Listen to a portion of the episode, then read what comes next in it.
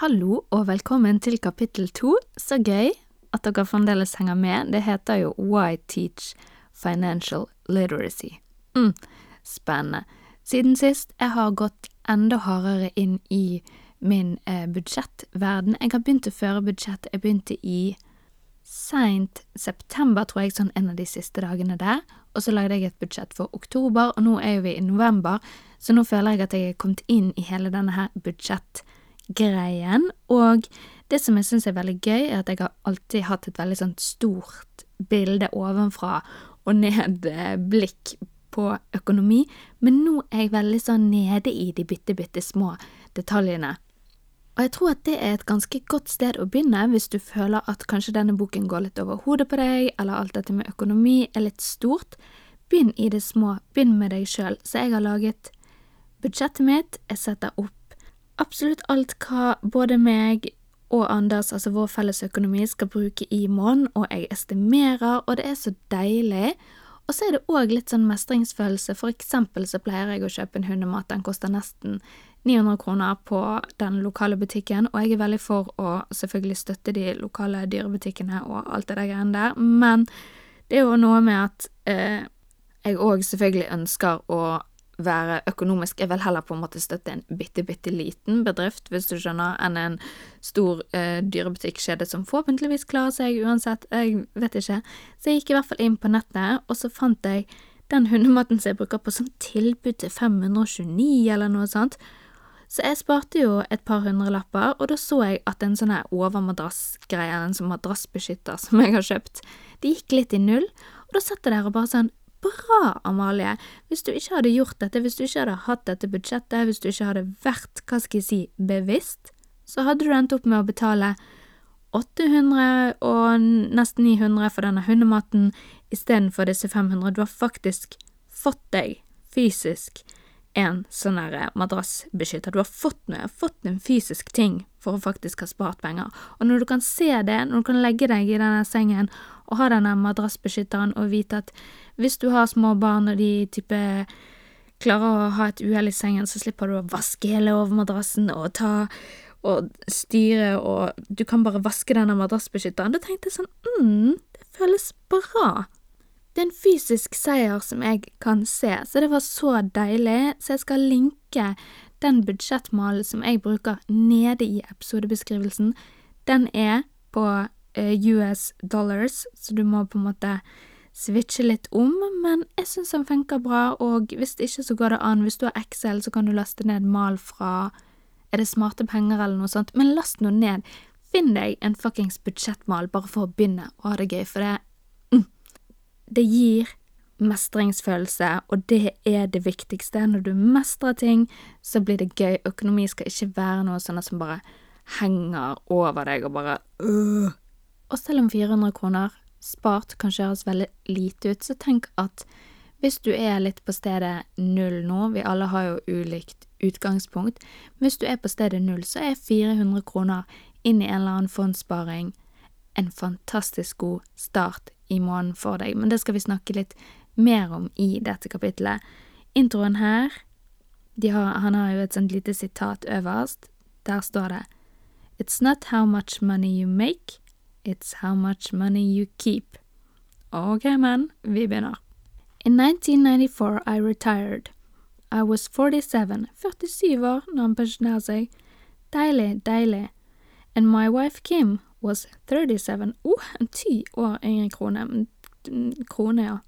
Kone, kone, krone. Det er bra. Retirement does not mean not working.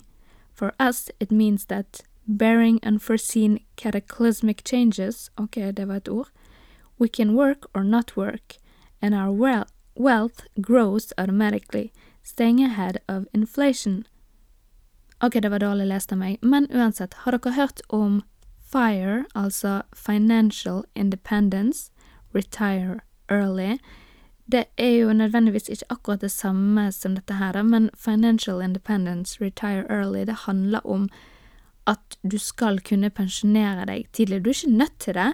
Du kan selvfølgelig velge om du har lyst til å jobbe videre eller ikke, men da kan du jobbe videre med de tingene som du syns er gøy, litt det samme som han har gjort her, da. Og FIRE handler jo om å spare veldig mye, så vidt jeg har forstått, leve ekstremt minimalistisk, jobbe ekstra, litt sånn den tøffe veien til eh, målet. Men dette her er jo, hva skal jeg si, det han snakker om, toucher jo litt på det samme, da, og han forklarer jo det litt som et tre som vokser, at du har plantet et eh, lite frø, så har du vannet det og vannet det og vannet det over x antall år, og til slutt så har det fått så god rot så god rot nedi den jorden der at du trenger ikke å vanne det mer. sant? Det bare vokser det der treet ute i hagen din av seg sjøl. Så det er litt det man skal få til. Og selvfølgelig, når du er en sånn fyr, alle spør deg hvordan har du klart det? Ok, hør her. I am concerned that too many people are too focused on money and not on their greatest wealth, their education. If people are prepared to be flexible keep an open mind and learn, they will grow richer and richer despite tough changes. If they think money will solve problems, they will have a rough ride.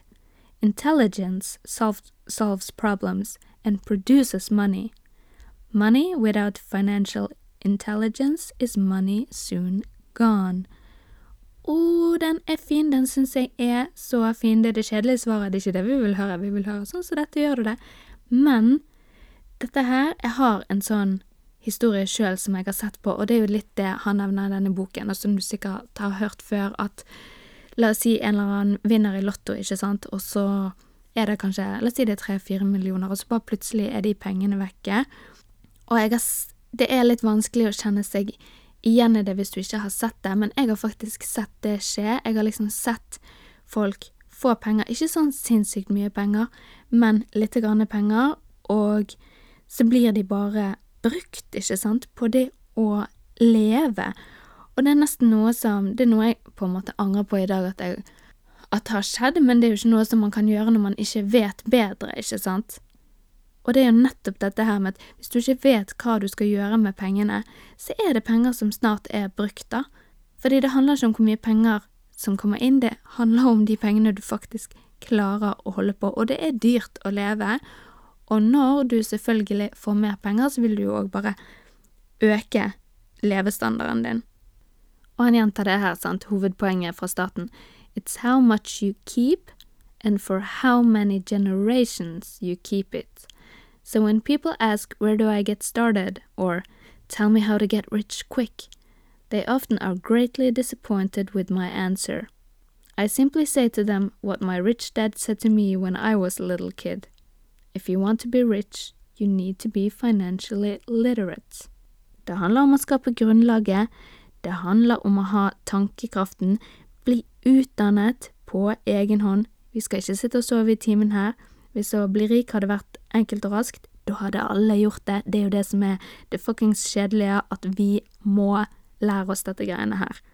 Og det som er gøy med dette kapittelet, det er at Rich Dad han skal jo sette noen regler for oss, egentlig, i alle kapitlene, men i dette kapittelet blir vi kjent med den første, og den er så enkel, men helt ærlig, blew my mind. Jeg, satt igjen og bare Hvorfor er det så enkelt, og så har ikke jeg forstått det før nå? Ok, hør her. Rule number one, dette er på side 80. You must know the difference between an asset and a liability, and buy assets. Ok, vi må vite forskjellen på assets, hva kan det være? Altså en eiendel, en ressurs. Uh, asset, noe som er bra, la oss kalle det for en eiendel. Liability, um, en forpliktelse. Når jeg googlet dette på sånn financial ordbok, så fikk jeg opp uh, gjeld. Men la oss kalle det for en liability, det er jo noe som tynger deg ned. Altså la oss si det er en gjeld eller en forpliktelse eller et eller annet som ja, gjør at du må gjøre noe. Mm, veldig bra sagt. Ok, Amalie. Kjempebra. If you want to be rich, this is all you need to know. It is rule number one. It is the only rule. Okay. This may sound absurdly simple, but most people have no idea how profound this rule is. Most people struggle financially because they do not know the difference between an asset and a liability. Så da skal vi se litt nærmere på hva som er forskjellen, for å virkelig lære oss dette her. Kanskje vi får noen øyeåpnere, hvem vet. You mean all we need to know is what an asset is, acquire them, and we'll be rich? I asked. Rich Dad nodded his head. It's that simple. If it's that simple, how come everyone is not rich? I asked. Rich Dad smiled. Because people do not know the difference between an asset and a liability. Rike folk kjøper assets, middelklassen kjøper liabilities. Og Rich Dad han skal forklare dette her for oss ganske enkelt, men det handler om dette med å, som jeg sa, få noen øyeåpnere. For eksempel så tror jeg veldig mange tenker på huset sitt som en asset, ikke sant? Det er en eiendel, det er noe du har, du tenker at du kan selge den, altså herregud, du eier ditt eget hus, kule greier. Rich Dad sier hva sier tallet? Hva sier de faktiske tallene? Ikke hva sier samfunnet, ikke hva sier folk rundt deg, men hva sier tallet? Magien er i tallet. Så enkelt. Hvis dere ser på side 83, så er det en veldig enkel tegning her. Jeg skal legge ut en lignende tegning, ikke akkurat denne her. Jeg skal legge ut en av de andre, men bare se på side 83, så ser dere det. Men det er jo øverst, så er det to bokser, ikke sant? Forresten, Instagram 1% bedre, sa jeg det? Jeg vet ikke, jeg mistet litt tråden her nå.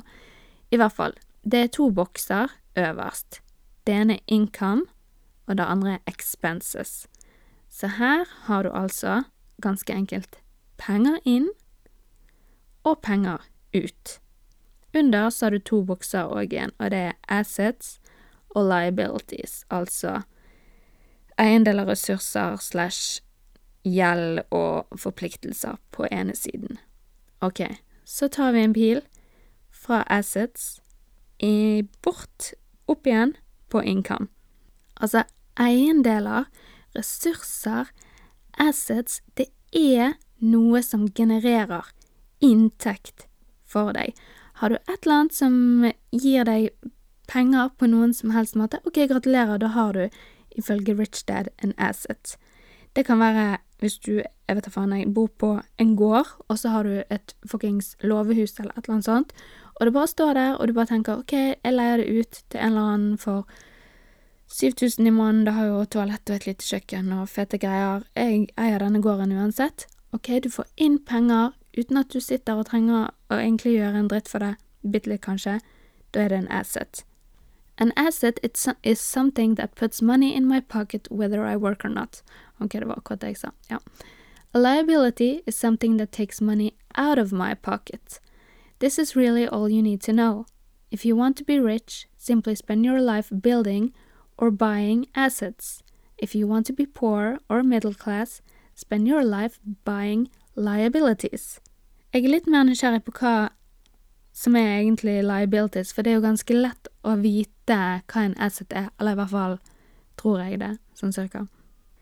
På liabilities her i den ene boksen så har han jo skrevet mortgage, altså huslån, boliglånet ditt, car loans, credit card, uff, uh, kredittkort, ja, school loans. School loans, det kan man jo unngå. Man kan klare å unngå det her i Norge, sånn ikke, i hvert fall. Eller, ja, det spørs jo litt hva du søker på, men uh, ok. Så her er altså huslånet som en liability, bare så det er sagt. Og vi vanlige folk vi har en form for cash flow. Fattige folk har en form for cash flow, og rike folk har en form for cash flow. Og det er cash flow som, hva skal jeg si, gjennomsyrer nesten hele denne boken, at det er viktig å lære seg hva er en cash flow. Og det er jo en del av tankesettet ditt, sant, at ok, hvordan fungerer hele din cashflow, hvordan kommer penger ut, hvordan går de inn, hvordan kommer de tilbake, det er en flyt, og alle har hver sin cashflow i livet. Alle har sin flyt i livet, da. For eksempel hvis jeg skulle sett på min flyt når jeg var student, så var det jo på en måte stipend inn, litt grann lønn inn, og så var det leie ut, og så var det expenses, altså klær, shopping, og så var det det samme om igjen og om igjen. Så det var den månedlige syklusen på min flow. Det var ingenting annet som kom inn, det var min cashflow. Og min cashflow i dag er jo egentlig ganske lik, ikke sant, det kommer penger inn, men nå går de inn i huslån, de går inn i boliglån, og de går inn i felles økonomi, og så går hele greiene rundt igjen i en runding, og det samme skjer. Eneste forskjellen nå er at jeg klarer å investere bitte litt i fond, for eksempel, Um, men ellers så vil jeg si at egentlig cashflow er, gans er ganske lik som han alltid har vært. PS, hvis dere hører noen rare lyder i bakgrunnen, så er det hunden min. Jeg har ikke tenkt å kaste han ut. Han skal få ligge her. FYI. Hvordan ser rike folk sin cashflow ut? Jo, den vil jo selvfølgelig naturligvis være litt annerledes, ikke sant? Og rike folk har òg liabilities, sånn som vi har. De har jo for eksempel òg kanskje et huslån eller hva som helst, men forskjellen er på disse to cashflowene at de har flere ting i sin asset-liste. Altså de har mye, mye, mye flere ting som genererer inntekt, som vil sikre at alle utgifter og lån og alt dette er dekket og fremdeles, hva skal jeg si, gi noe ekstra. På side 89 så sier han All too often, a person who comes into a sudden windfall of cash, let's say an inheritance, a pay raise, or lottery winnings, soon returns to the same financial mess, if not worse, than the mess they were in before. Money only accentuates the cash flow pattern running in your head. If your pattern is to spend everything you get, most likely an increase in cash will just result in an increase in spending.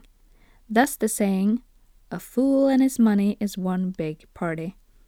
Å herregud, er ikke det bare så gjenkjennbart? Altså, når jeg husker tilbake på når meg og Anders eh, møttes, og vi etter hvert da flyttet og bestemte oss for å få en felles økonomi, da lagde vi en felleskonto. På denne felleskontoen satte han inn 7000, og jeg satte inn 7000.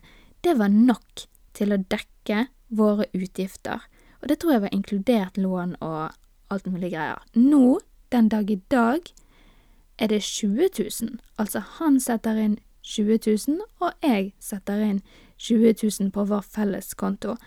Så vi snakker 40 000 versus 14 000 som var før.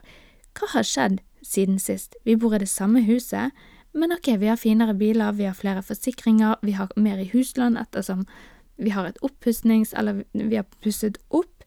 Vi har ja, sikkert barnehageutgifter, altså alle disse ting, og prisene har jo gått opp, helt selvsagt, men jeg kan ikke sette fingeren på akkurat noe og si ok, her går alle de ekstra pengene som vi setter inn, her går de 26 000 ekstra kroner. 26 000, fy faen, nå fikk jeg sjokk.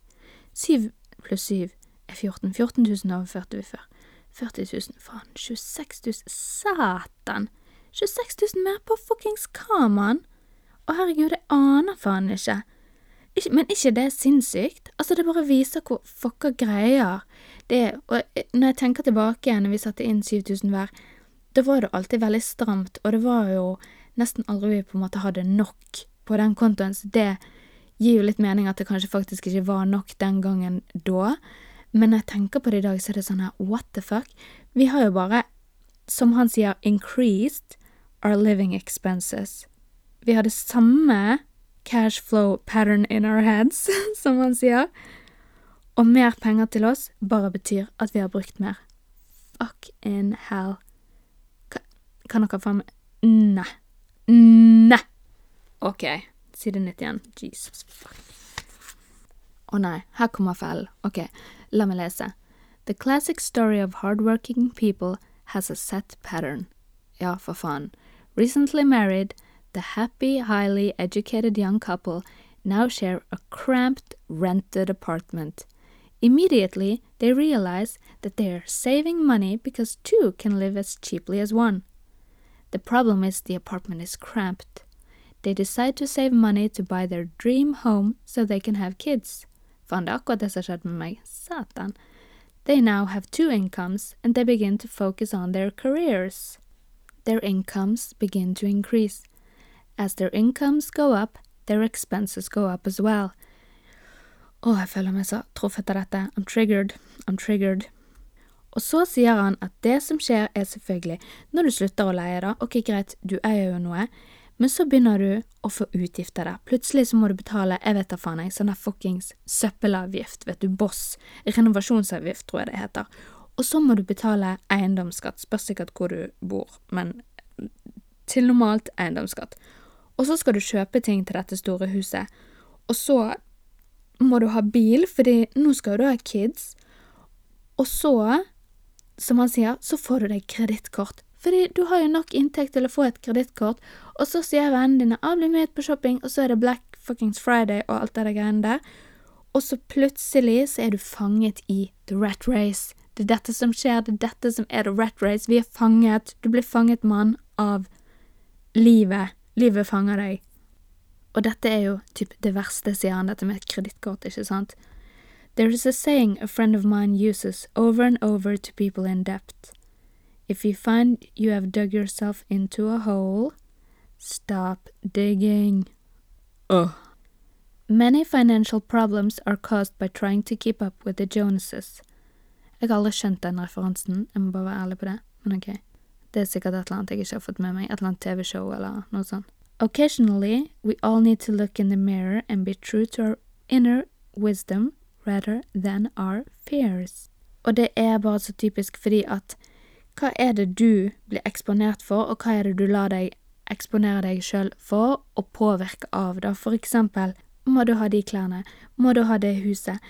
Jeg er så stuck i den fellen der at jeg føler meg så trigget av dette kapittelet at det er helt sykt, fordi jeg sitter i et hus nå som det eneste jeg klarer å tenke på, er at jeg må bygge på sånn at det blir like stort som alle de andre husene rundt her, hvis dere skjønner.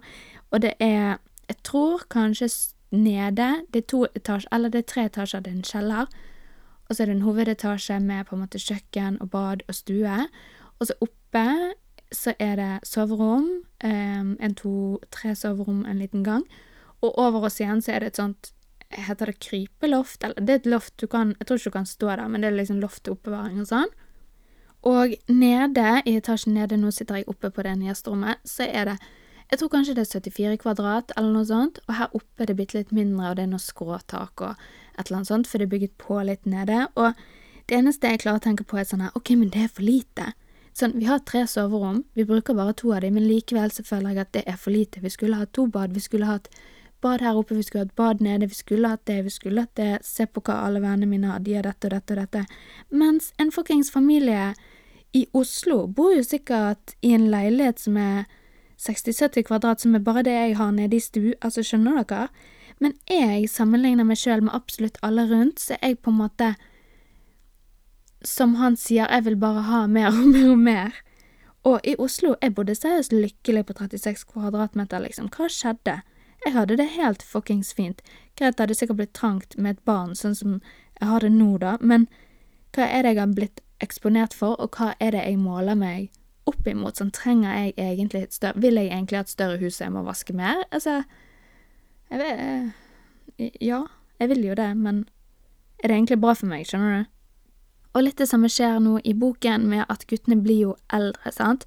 og han fokuserer litt på hvem de lar seg også eksponere seg for for å faktisk lære, da. Eh, ikke det er noe sånt at de sier at du er et gjennomsnitt av din nærmeste sirkel, eller et eller annet sånt. Så hvis du har lyst til å typ lære om økonomi, så bør du kanskje henge med økonomifolk. Ja. Å herregud, Leon, du må slutte å Vi hører slikkelydene dine. Sånn seriøst, en hund ligger og slikker seg. Ja, ok. My highly educated dad never pressured me about my grades but we did begin to argue about money. By the time I was 16, I probably had a far better foundation with money than both my parents. I could keep books. I listened to tax accountants, corporate attorneys, bankers, real estate brokers, investors, and so forth. By contrast, my dad talked only to other teachers. Ooh, ooh, ooh. One day, my dad told me that our home was his greatest investment. A not too pleasant argument took place when I showed him why I thought a house was not a good investment. Ok, la få hvorfor huset ikke er en god investering, for det er jo det alle sier. Huset er en så jækla god investering, det kan jo fuckings selges. Ok. Det han begrunner det med, er at et større hus vil bety mer utgifter. La oss si du har et større hus her nå. Hva skjer hvis jeg får meg to bad? Kanskje det vil dusjes mer. Kanskje vi vil dusje dobbelt så mye bare fordi vi har to. Altså, altså hvem faen vet. Vi må ha mer strøm for å varme opp huset. Vi må ha mer ting. Da må jeg kanskje ha La oss si da får jeg jo et nytt bad som må ha nye ting, eller en ny stue som må ha enda en ny sofa. Større hus, mer utgifter. Today, people still challenge me on the idea of a house not being an asset. I know that for many people it is their dream as well as their largest investment. And owning your own home is better than nothing. I simply offer an alternate way of looking at this popular dogma. Ja, det vill vi ha. If my wife and I were to buy a bigger, flashier house, we realize it wouldn't be an asset. It would be a liability since it would take money out of our pocket. Helt fucking sant. Og så kommer han med noen grunner her til hvorfor, ikke sant? Og en grunn til det er Ok, for det første, det er lånte penger. Ja, du har puttet inn din egenkapital og alt dette her, men det er et lån. Altså egentlig så eier du en del av huset, og banken eier, holdt på å si, sin del. Og det som statistikken viser helt tydeligvis, eller dette er sikkert fra USA, da, eh, eller Hawaii, eller hvem faen vet, men folk kjøper større hus eller oppgraderer hvert femte år, så egentlig så bruker du hele livet ditt på bare go bigger and bigger. Og så er det dette med eh, skatt, som man nevner. Og så er det at for eksempel ikke alltid husene faktisk går opp i verdi.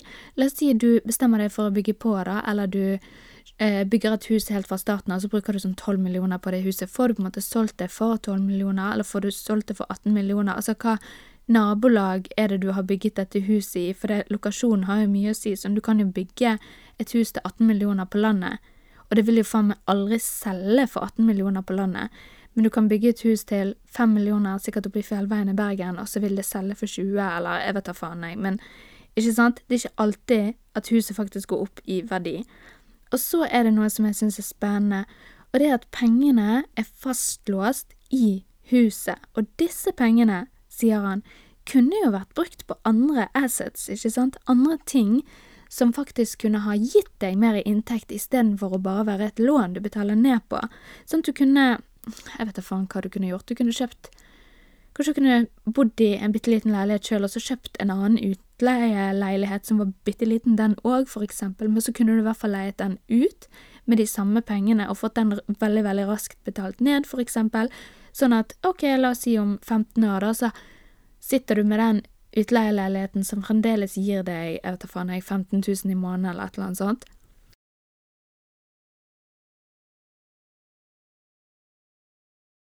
Og det er jo kjempegode poeng at ok, du mister på en måte tid der andre ting, andre eiendeler og ressurser kunne ha, hva skal jeg si, vokst i verdi, og du mister kapital, for det, den kapitalen som du har brukt på huset, den kunne du brukt på noe fuckings annet som hadde gitt deg mer penger, og du mister på en måte den utdannelsen, ikke sant, fordi at du har jo plutselig ikke noe penger å investere, eller den kapitalen er nå satt i det huset, sånn at du du har ikke noe mer til over, så du mister nesten den muligheten til å bli smartere, og fy faen, dette er en veldig Herregud, men det er en veldig interessant måte å se det på, er det ikke?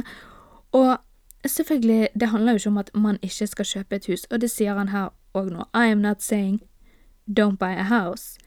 What I am saying is you should understand the difference between an asset and a liability, og det er det vi skal ta med oss videre, at ok, hvis du har et hus, i det minste se på det da som det det faktisk er nå, i nåtiden.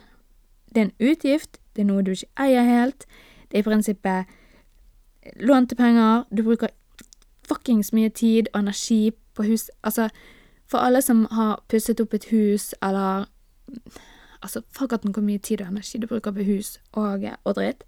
Altså, er det verdt det, sånn helt ærlig? Av og til så tenker jeg Amalie, bare flytt i en vedlikeholdsfri leilighet, liksom. Det, du orker ikke dette her mer. Men uh, så er det noe med at du har lyst på en viss levestandard, du har lyst til å sammenligne deg Ja, jeg har sagt det før, jeg trenger ikke si det igjen, men OK, spennende. Jeg liker dette. Jeg liker det, jeg liker det. A review of my rich dad's financial statement shows why the rich get richer. The asset column generates more than enough income to cover expenses, with the balance reinvested into the asset column. The asset column continues to grow, and therefore the income it produces grows with it. The result is that the rich get richer. Ok, hang dere med på den?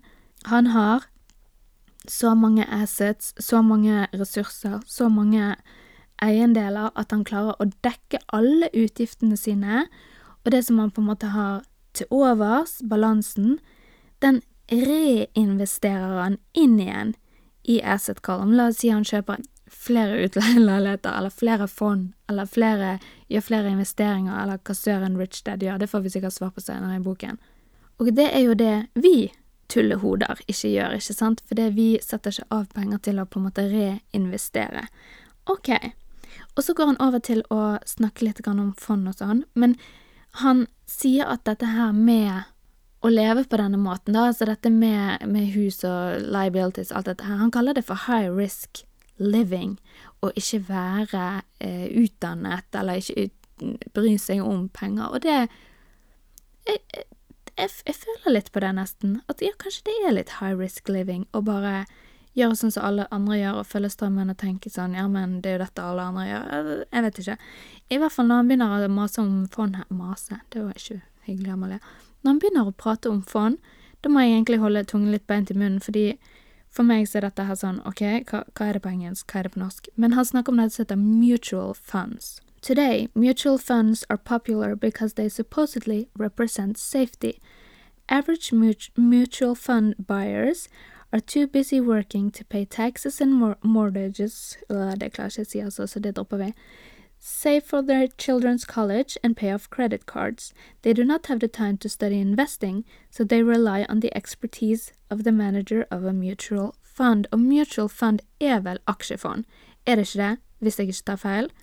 Hvis noen kan dette her bedre enn meg, vær så snill og rett på meg, men sånn at det kan egentlig bare være type vanlige aksjefond, eller altså globale indeksfond, som er jo, hva skal jeg si, det tryggeste, eller blir ja, så vidt jeg forstår, det er i hvert fall det jeg sjøl har, men de er veldig low risk, sant, det er ganske lav um, fee på det, hva heter fee, herregud, jeg ble helt forvirret av at denne boken er på engelsk, men, og hvis du er helt ny på dette her med fond og sånn, så fond er jo på en måte bare en pool av masse, masse enkeltaksjer, ikke sant, så det sitter en eller annen fondsstyr, la oss si du har DNB som bank, ok, DNB, det sitter en eller eller sikkert flere fondsstyrere, ikke sant, og kjøper masse, masse, masse, masse, masse enkeltaksjer og setter de inn i et fond, sånn at du får et fond som har hva skal jeg si, enda lavere risiko, ikke sant, fordi at risikoen er spredt utover masse, masse, masse aksjer. Du putter ikke all your eggs in one basket, som de ville sagt på Love Island, ikke sant. Og derfor er det ganske low risk å ha det, og det er derfor jeg har det, og sikkert veldig mange andre har det, istedenfor å investere i enkeltaksjer. Jeg har noen enkeltaksjer også, men for meg så krever det akkurat som han sier her, jeg har ikke tid til å studere investering, jeg har ikke tid til å på en måte følge med og sette meg inn i alt det der, så det er mye lettere for meg å bare kjøpe disse vanlige fondene, da. Og hvis du ikke har, hva skal jeg si, pengene dine i fond istedenfor sparekonto, så kan det være et godt sted å begynne. Ok, jeg må faktisk ta en kjapp pause her, så kommer jeg tilbake, så skal vi snakke mer om dette her, mer om slutten, fordi at den hunden der, den eh, trigger meg akkurat nå. Jeg tror han må ut og få lov til å gå på do før jeg går i barnehagen, så be right back, man. Ok, det var jo et lite sekund i deres liv. Veldig mange sekunder i mitt liv. Jeg har vært på trening, ikke sjøl, men uh, med min sønn, hentet i barnehagen, sovet Altså, alt har skjedd siden sist. Men vi er her, vi tar opp tråden. Dere merker jo ikke det. Og det siste vi snakket om, det var jo dette her med fond, ikke sant? Altså hvor trygge, gode og hvor flott eh, det er. Og selvfølgelig, det er et kjempefint sted å begynne. Jeg anbefaler deg å begynne der hvis du ikke allerede har gjort det. Og grunnen til det er jo at når du setter penger på sparekonto, så vil jo faktisk de pengene tape seg i verdi på grunn av renten er gjerne så lav, inflasjonen er gjerne høyere, men i fond, ja, du får kanskje litt mer risiko, men ganske lav risiko i disse her globale indeksfondene, og de er jo bevist til å på en måte, skal jeg si, slå markedet over tid. Så et globalt indeksfond, se på det hvis du ikke har begynt med det enda, det er jo for den langsiktige sparingen, ikke sant, penger som du skal bruke, kan du gjerne ha på sparekonto fordi du vet at de skal faktisk brukes, men hvis du skal spare til ungen din da de nærmeste 20 årene eller et eller annet sånt, da vil det alltid lønne seg å sette det i et fond framfor sparekontoen. Det tror jeg man kan si. Ok, men nok om det. Vi går over til side 107. Hvorfor er det egentlig sånn at vi gjør dette her, at vi play it safe, at vi setter pengene våre i fond og trygge steder? Ok, hør her. The real tragedy is that the lack of early financial education is what creates the risk faced by average middle class people. The reason they have to play it safe is because their financial positions are tenuous at best. Tenuous, jeg vet ikke hva det betyr engang. Their balance sheets are not balanced. Det helt sant. Instead, they are loaded with liabilities and have no real assets that generate income. Typically, their only source of income is their paycheck. Å, oh, det kjenner. Their livelihood becomes entirely dependent on their employer. So when genuine deals of a lifetime comes along, these people can't take advantage of them because they are working so hard, are taxed to the max, and are loaded with debt. Når muligheter kommer, kan ikke vi ta dem, for vi har søren meg ikke penger til å ta dem. Hvis det kommer et superbillig utleieleilighet, holdt jeg på å si, et eller annet sånt som du kan leie ut greit på salg i nabolaget ditt, du kan jo ikke kjøpe det, for pengene dine, du, du har jo ikke nok til det. På side 108 så tar vi et lite steg tilbake til disse fire boksene som jeg snakket om tidligere, ikke sant? Så ta oss og se på denne tegningen her, for jeg synes dette er utrolig fascinerende. Du har income, altså vi har inntektene som meg og deg får. Ok, hvem jobber vi for? Jo, vi jobber for et eller annet selskap, mest sannsynlig. Der har vi inntektene våre. Så har vi utgiftene våre i den andre boksen. Hvem jobber vi for der? Jo, vi jobber for å gjerne betale skatt, selvfølgelig mat og alle disse andre tingene også, men da jobber du for staten, sånn skriver i hvert fall han det opp. Så har du på en måte disse andre boksene, sant, assets og liabilities, og i liabilities, hvem er det du jobber for der? Jo, i liabilities ligger huslånet ditt, billånet ditt, alle disse tingene.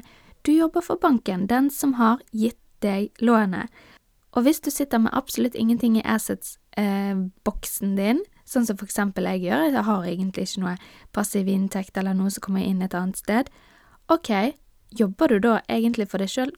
Du jobber faktisk kun for å betale Altså, du jobber kun for et selskap for å få lønn, du jobber kun for å betale banken, du jobber for å betale skatt, du jobber på en måte for de basic tingene som mat, men du jobber ikke for å få inntekt til deg sjøl, for din egen rikdom, og det syntes jeg var litt sånn tankevekkende når jeg så på dette her, at hvem er det jeg jobber for? Jeg jobber jo helt tydelig minst for meg sjøl, selv om jeg tror at jeg jobber for meg sjøl. Gir dette mening? Og hvis du egentlig skal være rik, hvis du skal bruke definisjonen i denne boken, som er rikdom, som går på at ok, hvor lenge kan du egentlig leve da uten å jobbe, så vil jo man egentlig si at du må faktisk ha en cashflow, du må ha såpass mange assets at det dekker inn hele utgiftene dine for eksempel en måned, sånn at du i prinsippet kan gå en måned uten å jobbe, du kan gå en måned uten å bekymre deg for at du ikke har nok penger hvis du eksempel, hvis du skulle miste jobben, altså et eller annet sånt. Dette er kanskje mer relevant i USA, der man ikke har et sånt system som backer deg på samme måte som her, men det handler fremdeles om det der å være selvstendig og kunne ha klart seg sjøl. Så for eksempel vår cash flow, da, egentlig, eller min cash flow, den måtte jo sett ut sånn at hvis meg og Anders setter inn 20 000 hver på vår felleskonto, 40 000 til sammen, og den felleskontoen vår, den dekker egentlig alt i vårt daglige liv, ikke sant. Vi har jeg tror de to største utgiftspostene våre som jeg har sett på nå, det er egentlig huslånet, og så er det barnehage. Barnehage er jo 3400 mm, eller et eller annet sånt, så den òg er litt stor, men så er det også kommer jo det mindre eh, ting like under der, da, som for eksempel forsikringer, bensin og bom, de er ganske store hos oss, vi bruker en del penger på bensin for eksempel akkurat nå. Og så kommer jo varekjøp og mat og alle disse andre småtingene under sånn strømmetjenester, altså alt du bruker. Men la oss si det er de 40 000, da, som jeg og han trenger for å på en måte dekke primærbehovene våre. Ok, da burde vi egentlig hatt en asset column, da, eller en boks som faktisk gir oss inn de 40 000 uten at vi trenger å ta de fra lønnen vår. Da vil vi ifølge Rich Dad kunne kalle oss rike, og hva er din cashflow, på en måte? Det er jo en av øvelsene i denne boken som vi skal avslutte med. Fordi hva er det vi har lært av dette kapitlet? Jo, vi har faktisk lært at de rike, de kjøper assets. De kjøper eiendeler og ressurser som gir de penger inn i den rette boksen. De fattige, de har bare utgifter, og middelklassen, som jeg kanskje definerer meg sjøl litt inni her, sant, middelklassen kjøper, altså liabilities, kjøper seg gjeld og forpliktelser som vi tror er ressurser, eiendeler, assets. Jeg har kjøpt meg et hus, ikke sant, jeg tror at det er en asset, men er det egentlig det? Jeg passer godt inn i den kategorien der, vil jeg faktisk si. Så det er jo det viktigste, vil jeg si, vi har lært. Og det er det kapittel tre skal handle om, sant, hvordan begynner du, jeg tror det heter mind your own business, hvordan begynner man å mind your own business? Men hva kan vi gjøre nå på slutten av kapittel to?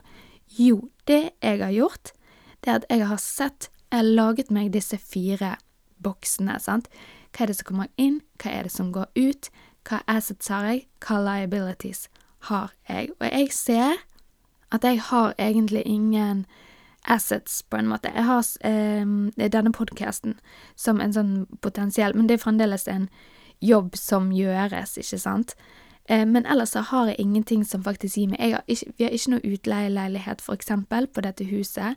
Jeg leier ikke ut noe annet. Jeg eier ingen eiendom, for eksempel. Um, så hva er det jeg har, da? Ok, så jeg har laget meg en liten liste over potensielle ting som kan gi meg en liten inntektsstrøm, som kan generere inntekt for meg. Og jeg skjønner at i denne boken så tenker man jo stort, selvfølgelig, men det viktigste er at vi kan begynne lite her, og det er det han sier, du må jo begynne fra null og fra ditt eh, ståsted, og så skal man bygge seg oppover til å kunne investere mer og mer til å få større og større assets. Så for eksempel, jeg har en bil som er nedbetalt. Jeg har ikke noe billån. Den Jeg betaler selvfølgelig forsikring og bom og alt dette her. Ok, hva kunne jeg gjort med den bilen for å få den til å gi meg inntekt? For eksempel så er det noe som heter nabobil, eller Get Around, tror jeg det heter nå. Ja, jeg har i hvert fall brukt det før, og der kan man leie ut bilen sin. Hvis jeg hadde leiet ut bilen min fordi jeg sitter, jeg jobber hjemmefra, jeg skal ut i permisjon, jeg kan i prinsippet bare gå rett ned til barnehagen. Jeg hører ungene fra, fra huset mitt, så det er ikke så veldig langt. I tillegg så har, siden vi er to stykker, så har jeg òg en ekstra bil i garasjen som jeg kan kunne ha benyttet meg av hvis det, det var krise og jeg måtte kjøre et eller annet sted. Altså, jeg hadde i prinsippet klart meg uten min hovedbil i perioder. Kan jeg begynne med å leie den ut. Det er jo ikke sånn at du må leie den ut absolutt hele tiden. Sant? Du kan velge å takke ja eller takke nei i en sånn type tjeneste om det passer. Kunne jeg ha leiet den ut for å fått faktisk dekket inn hele den bilen og fått en slags sånn fast inntektsstrøm? Hadde det gått an? Det er for eksempel én ting. Um, har jeg noe Kunne jeg Jeg vet ikke om det går an å leie ut klær eller verktøy eller den type ting, men helt sikkert helt garantert eller er det noe som jeg kan faktisk kjøpe, da, som kan gi meg den inntekten på lang sikt? Sånn har jeg nå sittet, og det har vært min øvelse fra dette kapittelet. Så gjør det samme. Det aller første du starter med, det er å definere din cashflow. Hvordan ser din cashflow ut? Tegn den opp, tegn den opp i disse boksene. Som sagt, jeg legger ut et bilde på 1% bedre på Instagram. Eller så finner du det Jeg tror det var du, Ja, hvis du har virkelig sett på dette kapittelet ordentlig, hvis du har kommet så langt, så finner du det. Så du tegner opp disse boksene, lager din egen cashflow og analyserer litt. Etterpå så ser du hva har du av assets, eller hva eventuelt kan du begynne med. Hva kan være din første assets? Og ikke tenk at det trenger å være mye, det kan være noe lite. Hei, Nikolai, har du kjøpt deg chips? Jøss, yes, det er jo helg, folkens. Nei, men da tror jeg vi bare skal si uh, ha det bra. Jeg, da. Men vi skal ha den chipsen i kveld. Å ja. Ja. Og jeg vil ikke ha den i kveld. Å ja, du vil ha den med en gang? Ja. Mm, forståelig nok. Og, og, og, så, og når jeg spiste den når jeg spiste opp, -huh. da vil jeg ha den til kveld. Du vil ha en, en til i kveld, altså to chips? Vil du si noe? Ja. Jeg skal bare si noe til slutt, OK? Og det er at vi sees i kapittel tre etter du har gjort dette her. Sett på din cashflow, sett potensielle assets. Kanskje leste litt opp på fond. OK, ciao, ciao.